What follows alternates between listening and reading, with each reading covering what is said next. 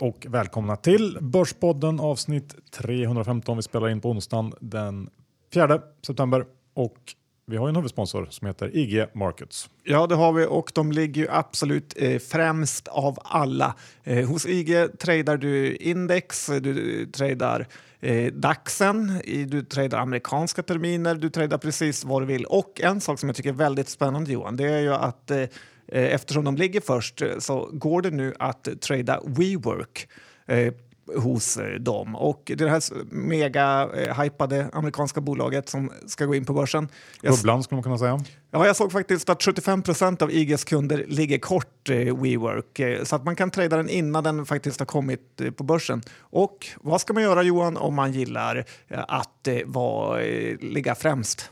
Ja, men då ska man gå in på ig.com, öppna ett konto och är man då en Börspodden-lyssnare och känner att man vill ha en, en liten VIP-ingång till EG, IG så kan ju vi också leverera det. Det kan ju vara att man eh, vill komma igång med sin handel, man kanske inte riktigt vet hur och vad man ska göra. Ja, men då mejlar man bara till bordspodden gmail.com eh, så kommer vi att ordna en, eh, ja, en alldeles personlig kontakt som hjälper just dig med att komma igång.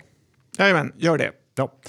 Idag John, blir det eh, snack som vanligt om börsen såklart. Det är Börspodden det här. Jag får gissa, Clas Ohlson rapporterar på morgonen. Kommer det vara ett litet segment om det? Kan bli en liten kommentar, ja. Eh, vad har du?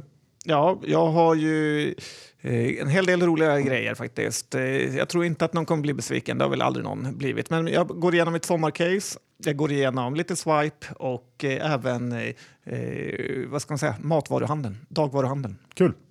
Vi är denna vecka sponsrade av Morjas och det är alltså herrskor av hög kvalitet till rimliga priser. Och Morjas har ju blivit skomärket som många anser erbjuder högst value for money i segmentet herrskor. Och ja, John, det kan vi ju bara eh, intyga. Ja, faktiskt. Jag har ju köpt eh, två par skor här som jag haft eh, under sommaren och eh, kanske för första gången någonsin har jag faktiskt fått komplimanger för mina skor. Eh, lågvattenmärket var väl kanske annars när Ola Rolén såg mig ett par beiga och jag blev hånad på Twitter. Ja, men det behöver du ju aldrig mer bli nu när du är Morjas-kund och det är egentligen bara tre saker ni behöver veta om Morjas. 1. De säljer endast direkt till kund online. På så sätt undviker de mellanhänder och kan erbjuda hög value for money. Det är smart tycker vi. 2. Skorna görs för hand i Spanien. Varje par görs i 128 handgjorda steg. Det är hantverk på väldigt hög nivå minst sagt. Och 3. Morjas levererar på en till två dagar inom Sverige med fria returer. Och våra vänner på Morjas har skapat en kod som ger 10% rabatt för alla Börspodden-lyssnare. Så besök morjas.com. Det stavas M-O-R-J-A-S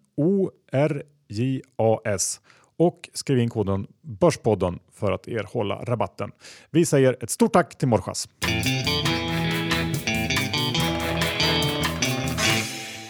Johan Dr. Bass Isaksson index eh, 1583 och eh, börsen är upp idag. Det är lite eh, Hongkong-lättnad och lite Bojo-lättnad. Vi verkar inte krascha ut ur, eller UK verkar inte krascha ut ur EU. Så vad är dina kommentarer? Ja, men så är det. Och eh, det känns väl som att marknaden just nu slits mellan någon slags rädsla för, för nedgång i ekonomin och recession eh, och, å ena sidan och å andra sidan då glädje för att det skulle i så fall eh, kunna innebära ännu mer centralbanksåtgärder. Och personligen så tycker jag att det är en ganska jobbig eh, situation eh, där det är svårt att känna någon riktig conviction åt något håll egentligen. Och eh, på ett sätt kan man ju säga att det mesta eh, funkar just nu, bara man håller sig undan eh, cash och, och fiat-valutor. Eh, för jag tycker både, risk-on-grejer, det vill säga aktier till exempel, och risk-off-alternativ som guld och eh, ja, med räntor de stiger samtidigt. Så det, det, är svårt ändå eh, att känna att det inte är någonting som är reellt fel där ute. Det, det, är en konstig miljö. Ja, samtidigt undrar jag, ska man verkligen undvika att ha cash? Är inte det nästan en av de bästa sakerna man kan ha eftersom eh, till och med centralbankerna och vanliga banker försöker sno det av en med negativ ränta. Så det betyder ju ändå att det måste vara värdefullt. Ja, det är möjligt att eh, men, men eh, jag vet inte. Det känns ju ändå som att uh, det inte varit rätt så här långt att sitta bara på en, en, en uh, hög med pengar. Nej, men samtidigt som det här händer så, så trillar du in uh, en del toppsignaler tycker jag. Bara de senaste dagarna har vi fått ett par här på hemmaplan. Vi har noteringen av EQT som, som är på gång och att extremt slipade riskkapitalister väljer att casha in är ju ändå någon slags toppsignal. Och sen såg jag väl igår var det tror jag som Sten Mörstedt eh, valde att sälja hela sitt innehav i fastighetsbolaget Catena. Han har varit storägare länge i det och ehm, eh, i likhet med många andra fastighetsbolag så har ju den aktien ballat ur här sista året och jag tycker att det här är ju inte aktörer som lämnar lite smulor kvar på bordet direkt utan det, är, ja, det känns sådär tycker jag. Nej, det här är ju roffargubbar kan man väl säga. Ja, och, och sen om man ska ta ännu en annan sida så har vi ju under den här senaste rapportperioden fått se väldigt hårda straffen då av marknaden när bolag eh, inte har levt upp till förväntningarna. Vi kan ta eh, ett, ett, ett, ett färskt exempel, Sectra, som igår eh, tappade nästan 20% på sin Q2. I och för sig väldigt välförtjänt, men ändå. Det här, det här tycker jag adderar till den här känslan jag pratade om tidigare, att det är svårt att känna conviction just nu, för det är, ja, det är lurigt, lynnigt. Ja, det är många aktier som har mycket luft i sig som gör att de kan kollapsa så här och även ja, ganska dåligt guidat får man tycka av sektorledningen. Eh, en aktie ska egentligen inte tappa 20% på en rapport. Det kan man tycka. Vi går över till eh, Mangold. Ja, men här är också kanske lite toppkänsla. De har ju hamnat i blåsväder här för att de har lurat, får man väl ändå säga, fel personer på pengar i ett bostadsprojekt här. Eh, Gabrielsson, eh, som, han är väl känd lite som ett halvpsyko, är kanske hårt att säga, men eh, något åt det hållet och eh, är han, ja, hans profil. Och eh, han är verkligen inte glad över det här. Och sen kan man också undra så här, vad folk som investerar för att få 15% ränta, där bör man ju förstå att det är ett högriskprojekt, eh, särskilt om det är negativ ränta i resten av samhället. Eh, just i Mangold Gabrielsson-fighten här så vet man ju inte, är det egentligen inte någon man hejar på, utan det är ju lite 1-1. Man hatar ju fondkommissionärer som lanserar sådana här fuskprojekt med snygga prospekt för att lura sina egna kunder. Eh, men man har också folk som skyller sina egna kassaidéer på andra. Så att eh, 1-1 här. Eh, sen har vi ju faktiskt när tidningen Realtid har ju kommit ut att de har stora finansiella problem och vill också ha in pengar i en, någon typ av konvertibel emission som inte har kommit i hamn. Och vill man eh, elda upp pengar så tror jag faktiskt att det här kan vara en eh, intressant investering. Eh, jag läste deras prospekt eller memorandum och eh, det kan, ingen som respekterar pengar kan stoppa sina pengar här. Och vill man ändå satsa lite på så här finans slash startup media så tycker jag ändå att då kan man sätta sina pengar i Breakit, eh, tror jag är många gånger bättre. Ja. Har, jag, har jag förresten berättat om när Stefan, eh, Breakit-Stefan förnedrade mig inför hela min eh, familj? Johan? Nej. Eh, vill du höra? Ja, Eller, det, lite... det vill jag. Okay. Eh, nej, men, eh, jag var på sportlov, och åkte skidor i Hassela och så gled jag in på bilparkeringen där. Och då såg jag Breakit-Stefan. Eh, så vevade jag ner rutan och sa tjena tjena. Eh, då tittade han på mig och så sa han, hej John, vad gör du här? Jag trodde det gick bra för dig. Eh, det var lite ridå där. Statusen i min familj sjönk ganska hårt. Ja, men han är kul Stefan. Bra. Um, vi går över till de här skjutningarna som det har snackats mycket om i Sverige på slutet. Ja, och ingen har brytt sig förrän egentligen två kvinnor här fick eh, stryka med. Och eh, jag såg då att eh, Steffe Löfven står och säger att de måste ge mer pengar till EBM för att eh, kommer man åt pengarna så har man löst en hel del. Den gamla, han har väl sett någon thriller, att follow the money. men tyvärr så är det ju så att EBM och deras åklagare har ju fått en hang-up på svenska hederliga radhus småsparare som knappt gjort en fluga för när. Och det är ju faktiskt extremt irriterande. Eh, istället för att jaga riktiga brottslingar och eh, då följa pengarna som man ska göra så har ju EBMs eh, resurser gått till att se vad studenter skriver på Börssnack eller vad någon lyckas göra i kolen. Och om den här Per Bolund och hans gäng ska komma upp sig och vill ha mer än 13 procent förtroende från svenska folket så kanske han ska sluta med att skicka hundratusentals kronor i böter till eh, Avancianer som enda land i världen. Ja, jag håller med. Um, och det för oss in på det här med blankning ehm, och förbud kring det. Ja, jag har tänkt lite på det här Johan. Kanske second level får jag väl säga. Och eh, det är då, gäller här accounting frauds blankare som är stort bland eh, hedgefonder och vad. Och jag funderar på om det kanske ändå ligger något i det här småsparargrejen, att det borde vara olagligt att blanka. Eh, du säger skeptisk. Ja, oerhört skeptisk. Ja, men så här, hear me out eh, innan du kallar mig för galen. Och eh, för så här, när någon hedgefond, typ Bodenholm eller Muddy Waters, allt vad de heter, gör research på ett bolag så kommer de fram då till att den här bokföringen är fake och att siffrorna inte stämmer. De lånar aktier och sen medvetet säljer man de här aktierna till folk som inte vet om att man köper ett luftslott. Eh, sen avslöjar man det och aktien eh, kollapsar.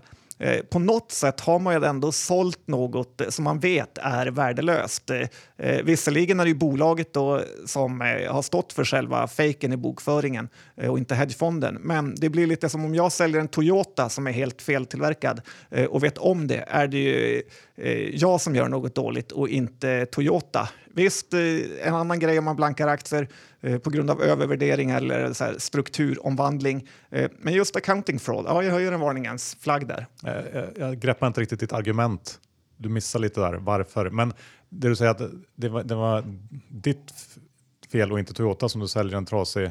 Men det är väl inte Bodenholm i det här fallet då, som har konstruerat den här redovisningen som i så fall är felaktig. Det är ju bolaget. Så jag, nej, jag, tror, eh, jag vet inte om du har druckit för mycket på slutet eller vad du har gjort, men, men du är fel ute i alla fall. Och på tal om eh, om eh, blankningar och ras eh, så har det ju tisslat och tasslats lite grann på Twitter sista veckan om THQ från just företrädare för Kiel och Bodenholm och att det skulle kunna finnas lite accounting trouble där. Jag, jag skulle inte vara förvånad, för det är ju ett, ett eh, förvärvsbygge av Guds nåde. Så att, um, det ska bli intressant att följa. Ja, det är en klassisk dataspels roll-up. Så det är ju, eller det är inte klassisk, för det finns väl inte så många sådana. Men det är, ska bli väldigt spännande att se hur det här faller ut. Det brukar inte vara bra att ha hedgefonder efter sig.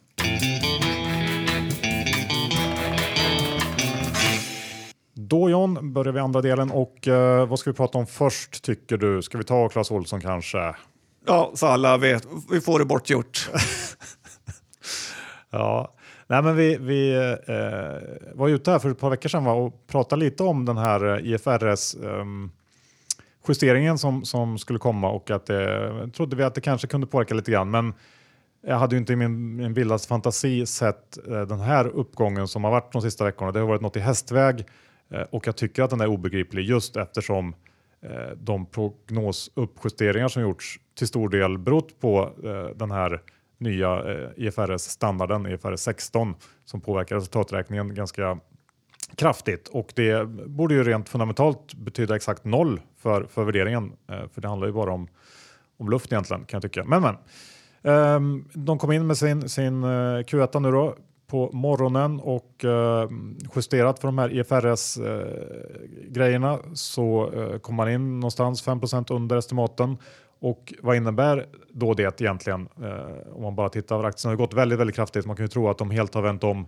Eh, jo, eh, ebit har gått från 32 miljoner förra året till 52 i år och Eh, det är då rensat från den här IFRS-effekten. Eh, så att den egentliga resultatförbättringen är ju ganska marginell får man säga och lägger man till då det faktum att förra sommaren var extrem rent vädermässigt så undrar jag om det verkligen är en förbättring överhuvudtaget. Det är ju väldigt svårt att jämföra eh, just med tanke på den här varma sommaren. Eh, de släppte ju också eh, augustiförsäljningen här samtidigt som, som rapporten och man ökar med 2 procent.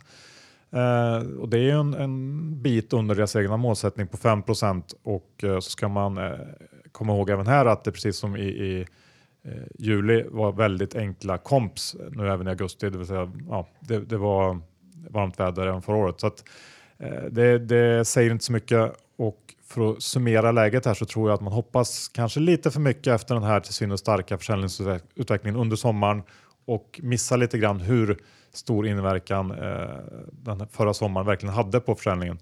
Och Dessutom så kommer ju den här valutamotvinden att förvärras kommande kvartal, eh, tolkar jag det som i alla fall eh, när jag lyssnar på konf-kolet här, eh, i takt med att de, de hedgar som man har eh, ger mindre positivt resultat. De liksom rullas ut eh, allt eftersom och eh, nu på, på liksom en bit över hundralappen så ligger ju bevisbördan verkligen på bolaget. Eh, man handlas väl till 14 14-15 kanske gånger rörelseresultatet och det är då justerat eh, för IFRS men också EU. Och EU-poster är jag är lite allergisk mot men, men eh, hur som helst så är det långt eh, över snittet i branschen och det här är då för ett bolag som ja, sannolikt kommer att krympa framöver. De sa ju senast nu i samband med rapporten att de kommer att stänga ner jag tror fem butiker och eh, inte öppna lika många nya. Så det är en, liksom en slags krympande varelse som man ändå värderar till eh, ganska rejäl tillväxtvärdering. Ser inte riktigt hur det ska hålla, men eh, jag har ju varit fel ute här ett tag nu så att eh, kanske jag är fortsatt. Ja, jag får ändå ge dig att du håller flaggan högt. Du verkar inte ge dig. När, eh, eh samtidigt så verkar ju Lotta göra mycket saker rätt och på något sätt så känns det som att hon har förstått hur aktiemarknaden fungerar och trycker hela tiden på eh, saker som de gillar, typ Mathem och eh, sådana saker som ändå har rätt lite impact på eh, Clas Olsson. Så att, eh, jag tycker hon är en värdig fiende till dig och det är väl lite så att hon eh, leder, får man väl ändå säga. Ja, hon har ju liksom knockat mig några gånger nu och jag liksom kämpat mig upp. Men jag håller med, Lotta är ju duktig och gör ju verkligen allt rätt. Jag är ju mer inne på att det, det kanske inte räcker ändå. Eh, och som du sa, till exempel Mathem tittar man på vad det ger försäljningsmässigt i, i, i kronor och ören så handlar det om kanske eh, 10 miljoner per år eller någonting. Det är ju liksom ingenting för Clas Ohlson. Men man lyfter ju fram det som en stor succé på något sätt. Och, ja, det kan man ju tycka vad man vill om, men eh, det gör hon ju bra. Ja, to be continued som man säger. Ja, vi går över till eh, banker John. Ja, men det kan vi göra. Det är ju nya attacker här på bankerna nu av regeringen som vill införa bankskatter och eh, det verkar ju lite som att politikerna inte i alla fall följer aktiekurserna på daglig basis för då hade de nog sett att bankerna har det ganska tufft och är ju på flera års lows faktiskt. En sak som är intressant är ju att Göran Persson har lastat in 3 miljoner i Swedbank och eh, Eh, det positiva med det tycker jag är att då lär det inte komma någon sån här meganedskrivning som jag har eh, varnat för. För att då skulle ordförande Persson framstå som lite dum som köper just innan och det gillar ju inte han. Eh, det negativa är ju dock att han köpte ju aktier här precis innan helgen när den här bankskatten presenterades och det innebär ju då tycker jag att eh, Göran Perssons kontakter på insidan av regeringen kanske inte är så starka faktiskt. Eh, sen en annan bank som har det tufft, det är ju Danske Bank och eh, det, där ser man att det verkar ju knappt finnas någon botten för de här penningtvättsbankerna och eh, det gör ju att köpa Swedbank ganska läskigt. Danske Bank handlas ju på, till P-tal på 5-6 och eh, så sent som i april delar de ut 8,50, eh, det vill säga 10 procent av nuvarande kurser. Swedbank är väl till kanske P6-7 här på den här 123 kronors kursen. Eh, sen en annan kul grej med danska är ju att det är fortfarande ett av Dine Gergers eh, största innehav i den här superfonden som de har. Eh, det låter ju sjukt billigt för båda de här bankerna, men man ska komma ihåg att nästan alla jordens banker är just nu under P10 och eh, så att det här är ingen svensk tillfällig grej. Däremot är det väl lite en svensk grej att vara på Sydeuropa-nivå här med alltså 6-7 i P-tal på banker. Ja, det känns ju som generellt att, att banker eh, i någon slags strukturell nedgångsfas och att det, det, i princip i hela världen är liksom en, en business som det knappt går att tjäna så mycket pengar på. Sen har ju Sverige kanske en liten specialsits med, sin, med sitt oligopol och det, det är ju såklart positivt. Men jag är ju ändå inte sugen på banker oavsett hur billigt det ser ut. Ja, men lite så. Det här kan man få bli sittande med under lång period om man går in fel. Ja. Nu vill jag höra om, om eh, ditt sommarcase som ju var Moberg Pharma. Hur, vad har hänt? Ja, men eh, det här har hänt. De kom ju med sin eh, intetsägande rapport här får man säga häromdagen. Och eh, man väntar ju på att få sina 43 till 45 kronor som bolaget har eh, flaggat för. Eh, men det stora är ju den delen som är kvar då med MOB 015 eh, då, hur resultatet kommer bli här som jag för mig att man ska få veta i december. Och eh, Ändå med det här sagt så känner jag mig lite kortsiktigt eh, besviken på hur mycket pengar som har försvunnit ur Moberg. Om man tar då Mobergs omsättningstillgångar så är de på 932 miljoner. Det är kassa och varulager och så vidare. Och eh, så drar man bort deras kortsiktiga och långsiktiga skulder som man ändå måste göra tycker jag. Så eh, de är på 32,57 miljoner så får man 843 miljoner kvar eh, i Moberg. Då. Och eh, då finns det 18,3 miljoner aktier här, eh, vilket ger ju då eh, exakt ungefär 40 5,90 per aktie. Eh, och lite det gör att jag tycker att det känns omöjligt för Moberg att dela ut 45 kronor utan att det då förmodligen blir i det här lägre intervallet eh, med max eh, 43 kronor eh, för att lämna kvar ett gäng miljoner i potten här så att bolaget har något att röra sig med. Och sen kommer ju precis allt hänga på resultatet i Mob 015 som ja, de har sagt kommer i december här. Så att misslyckas det Eh, den studien där så kommer det inte finnas mycket kvar av nya Moberg utan då blir det gå direkt till nyemissionsrutan. Eh, lyckas man så kommer det bli både milestones och eh, kursdubblingar som trillar in. Med det sagt så har jag sålt det mesta här efter rapporten och jag vågar inte riktigt syna caset över resultatet här. Jag har lite kvar, kvar lite aktier, men lite mer av bevakningsposition läge. Vad säger du? Ja, nej, men jag var väl lite halvskeptisk från början uh, och jag vet inte, det, hur har den gått då egentligen? Den har inte rört sig särskilt mycket under sommaren. Nej, den har i princip stått eh, still här, studsat upp någon krona ner någon krona. Ja, det är väl, jag har ändå svårt att se att den skulle röra sig så fruktansvärt mycket innan, uh, innan de här resultaten ska presenteras just med tanke på hur mycket som hänger på det. Så det är väl, lite det man får välja på att syna eller att ja, ta hem Ja, lite besvikelse också att eh, ledningen eh, av sina personaloptioner cashar hem det mesta av dem istället för att eh, sitta vidare. Så att, ja, det får vi se. december blir en spännande månad för Moberg. Ja, jag tänkte ta upp eh, Swedish Match som vi pratade en del om i samband med, med Q2 här i somras. Svema. Svema, exakt. Um, och jag tyckte ju då, jag tycker fortfarande att, att aktien fick ett alldeles för hårt mottagande, eh, eller rapporten fick ett alldeles för hårt mottagande på börsen och eh, jag eh, har ju eh, lite aktier kvar i Swedish Match och tycker att, att läget i bolaget nu påminner ganska mycket om hur det såg ut i ICA eller kanske Essity för ungefär ett år sedan. Det vill säga vi har eh, bolag med liksom, fina defensiva kvaliteter som bör tuffa på ganska bra oavsett konjunkturläge och det Eh, det premierar marknaden ju rejält i både ICAs och Essitys fall nu. Um, I den här miljön speciellt med, med, negativa räntor.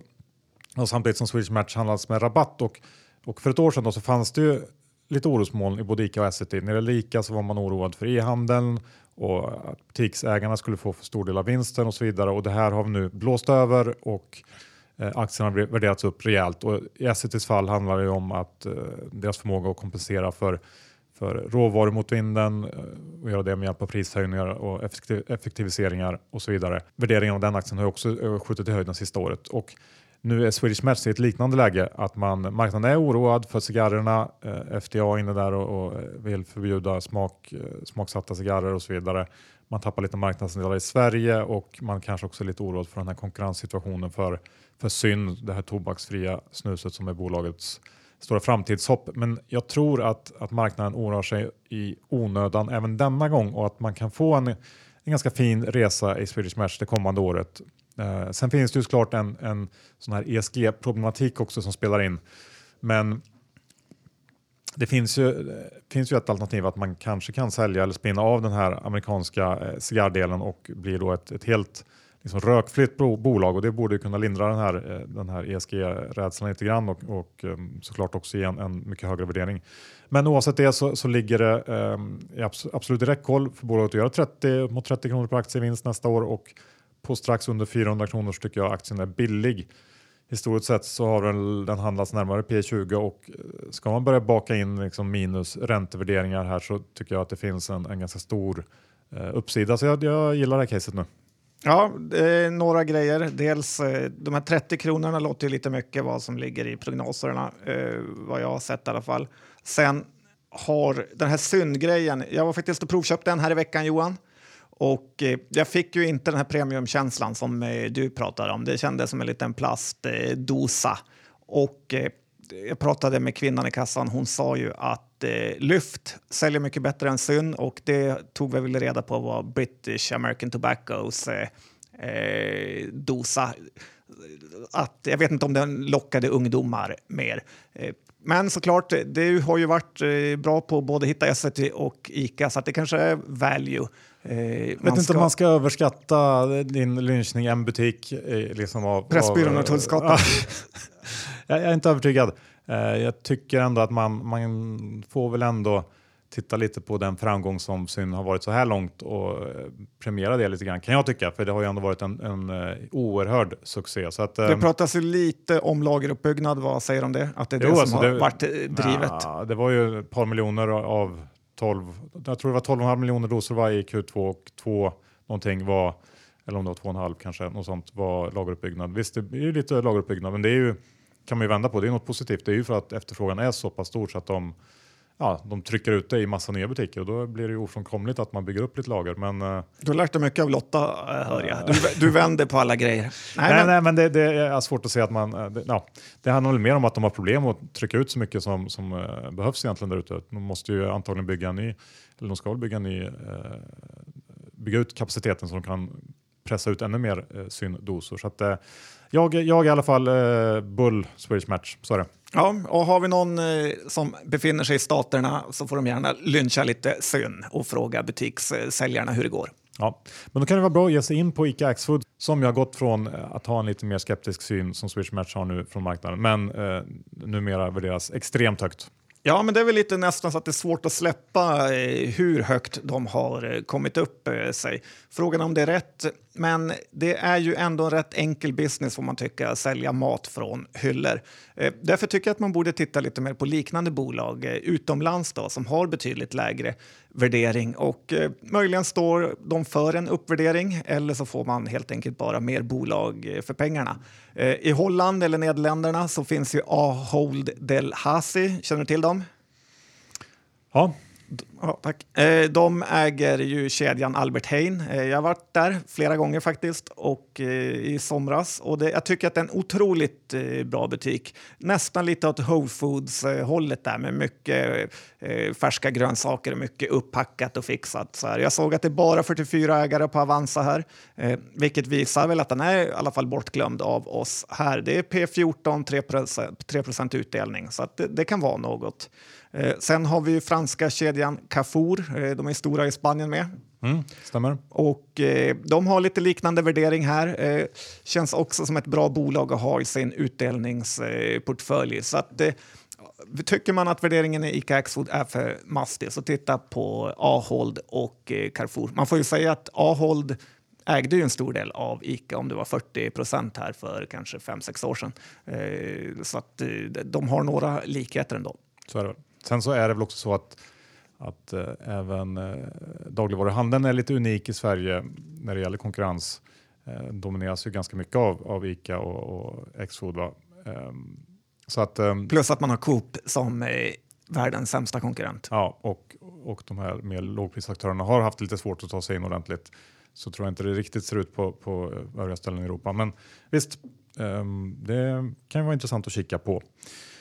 Ska vi gå över till um, veckans stora förlorare som vi var inne lite grann på här i början. Sectra Uh, kom ju in med genomusla Q2-siffror verkligen. Mer eller mindre allt var riktigt dåligt. Uh, orderingången havererade, kassaflödet var negativt, rörelsemarginalen sjönk rejält och Sectra hör ju till uh, ett av de bolag som värderats upp något sinnessjukt de sista åren. Ehm, det är liksom ingen idé att prata om värderingsprinciper eh, för det är liksom så fruktansvärt dyrt att det aldrig går att räkna hem hur man än gör. Och med den typen av värdering så går det inte att komma med sådana här rapporter.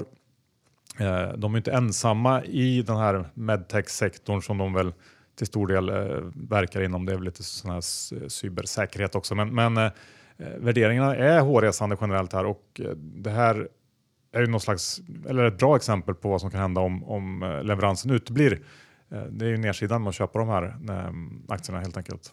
Ja, det känns som att de hypas upp också internt av ägarna om hur bra det är och när aktien är ganska illikvid så kan den dra upp till eh, månen och ja, det är lätt att göra bort sig om man betalar för mycket. Ja, jag tycker att man betalar väl till stor del för att få någon slags stabil, säker liksom, tillväxt och leverans. Och, ja, uteblir det så är det svårt att se lite varför man ens ja, varför man betalar i närheten av så här mycket för, för de här bolagen. Ja, jag fattar inte riktigt. Men, um, du skulle blankat den istället för Clas Ohlson? Eh, ja, det beror på när. eh, som allt annat. Eh, vi går över till ett lite mindre bolag, norskt Swipe. Swipe, ja. Känner du till den genialiske ordföranden där Johan? Det är väl eh, Jörgen Lantto, va? känd från Fingerprint bland annat. Och MyFC ska man säga. Så att eh, Swipe presenterar sin Q2 här och eh, det går väl bara att sammanfatta med att det var en katastrof. Eh, det var ju 1300 småsparare på Avanza här sitter och det har varit lite så här finans-Twitter-hypad aktie som nu är Eh, en inverterad raket. Eh, och jag känner också den här Jörgen Lantos eh, stjärnglans har väl eh, falnat ordentligt nu. Eh, ordförande för två bolag som mer eller mindre är borta och eh, då eh, den här, du, du, får ju inte framgångskänslan som man kanske fick i början med Jörgen Lantto. Eh, oftast när folk lyckas med något eh, så är, brukar det ju vara ganska mycket tur och tillfälligheter inblandade. Det gäller bara att man själv eh, vet om det och inte tror på sin egen eh, hype faktiskt. Eh, jag kan ju inte Swipe jättemycket som bolag Eh, men deras grej är väl ungefär att du har ditt fingeravtryck på Visakort och så vidare. Eh, det känns kanske föråldrat här då betalningarna går mer mot eh, mobilen. Eh, sen ska man inte vara för hård mot eh, aktieägarna eller andra här heller för att det, den här branschen med fingeravtryck har ju varit extremt eh, svår. till och med Ola Rolén har ju gått bort sig ordentligt i Next som också kört rejält i diket här så att man är inte ensam. Nej, så är det. Eh, ska vi ta lite friskolor också här på slutet? Ja, men det tycker jag att eh, de har ju också brutet räkenskapsår så de har rapporterat här. Det är ju både Academedia och Engelska skolan. Eh, generellt så gillar jag ju friskolor och tycker att de utgör ett bra komplement till allt som är kommunalt eller statligt. Och eh, just Academedia fyller ju en eh, bra funktion där, där de är en stor koncern som kan vara eh, som kan betydligt mer om hur en skola ska drivas än kanske en liten kommun eh, med bara några tusen invånare där kommunledningarna är, är totalt inkompetenta på den här saken. Men jämför man då med till exempel engelska skolan så visar det sig att eh, det är ofta enkla, raka verksamheter som premieras mycket mer på börsen och är också lättare att eh, driva. Eh, Academedia har ju dagis i Tyskland, det är grundskolor, det är gymnasieskolor, det är inblandade i arbetsförmedlingsgrejer. Eh, Medan Engelska skolan är ju just Engelska skolan. Och eh, du får ju P1617 för den och Academedia får du 1011 på nu. Så att eh, eh, båda de här bolagen ger ju utdelning och det är lite glädjande att de vågar göra det. Och vill man stötta Eh, det fria samhället så kan ju en liten investering här vara något. Och eh, tror nog ändå att Kvi, det är just en av anledningarna till att Kviberg är en av största ägarna i Engelska skolan. Och det tycker jag han ska ha lite cred för. Det måste vara, jag håller med. Ehm, ska vi avsluta med Doro som eh, vi pratade om eh, efter Q2 och tyckte att bolaget var på rätt väg då, men sen den gick upp ganska mycket på sin Q2 och sen så efter, ganska strax efter så tapp, gav den tillbaks i princip hela uppgången. Eh, och var fram tills ja, nyligen, bara här i veckan, nere på lows igen. Men så slog man till med ett nytt förvärv eh, i UK som adderar till den här care-verksamheten och eh, man tar väl ännu ett steg mot att bli mer av ett care-bolag än ett mobilbolag. Eh, multiplarna är fortsatt låga på, på Doro, det är, de är ensiffriga nivåer och eh, förr eller senare så tror jag att det ändå kan komma en lite större uppvärdering eh, när de här mer stabila återkommande care-intäkterna Eh, Eh, är tillräckligt stor andel av totalen så borde aktien kunna värderas upp tycker jag. Kanske har den resan påbörjats lite grann nu, jag vet inte, men, men man har ju hoppats eh, länge på Doro utan att de riktigt har levererat. Men, men det känns som att de ändå är inne på rätt väg nu och gör rätt saker. Så att, eh, jag tycker att det känns som en mm, hyfsat spännande aktie just nu. Ja, men jag håller med dig och jag känner väl mer att 2019 fortsätter att inte vara mitt år här. Jag köpte ju eh, ganska mycket Doro efter rapporten och fortsatte köpa på vägen ned. Eh, sen lyckades jag med konststycket att eh, sälja nästan 30 000 Doro på 33 för att två dagar senare se dem göra förvärv, ordförande köper och aktien går till nästan 38. Så lite bittert kan jag ändå tycka.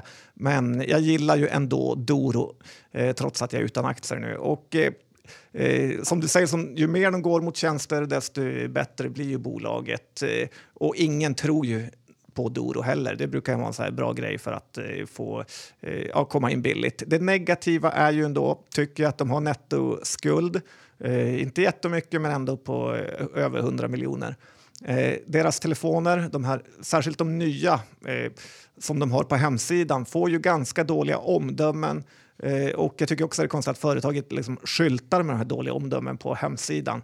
Eh, utan kanske man ska tänka lite mer försäljningsmässigt. Eh, eh, nu är jag bränd i Doro ett tag, men eh, ja, jag ska fortsätta hålla ögonen på dem. Slut på avsnitt 315. Vi tackar vår huvudsponsor IG Markets. Vill man som sagt ha en VIP-väg in till IG, eh, man kanske vill eh, börja testa på det här med att handla lite mer aktivt, vet inte riktigt eh, hur det går till och vad man ska göra, ja, men mejla bordspodden gmail.com så kommer vi att skicka in er och se till att ni blir väl mottagna. Ja, vill man ge sig på WeWork så är det en bra start. Ja, eller Clas Ohlson. Ja, bra, tack för tipset Johan. Ja, bjuder jag på. Vi är också sponsrade av Morjas. Det är alltså www.morjas.com. Det handlar om skor som görs för hand i Spanien. Eh, väldigt fin kvalitet, hantverk på hög nivå och eh, dessutom prisvärt. Eh, gå in på morjas.com och använd koden Börspodden så får man 10 rabatt och det tycker jag verkligen att man ska göra. Vi har ju flera par Morjas själva var och eh, ja, väldigt nöjda. Ja, jag ska på bröllop i helgen. Då ska jag ta på mig mina Morjas-skor. Ja, morjas.com. Använd koden Börspodden. Bra, och då är det innehavsredovisning. Eh, jag är kort Clas Olsson, lång Swedish Match. Eh, det var det. Hur ser det ut för dig John? Ja, jag ibland jag har min så egen kamikaze-portfölj där jag ryggar dig på vissa grejer för att jag inte vill se din rikedom segla ifrån. Så jag har också lite Swedish Match eh, och jag har kortat Clas Olsson här under dagen. Härligt. Eh, får se om jag tar in den innan eh, stängning för att... Eh, det gör du inte kan jag säga. Eh, så tyvärr har jag inga Doro och eh, inga andra aktier heller. Och jo, lite Moberg hade jag. Ja. Eh, bevakningsposten i Moberg. Kämpa på Peter Wolpert. Fint, fint. Vi hörs om veckan. Hej då!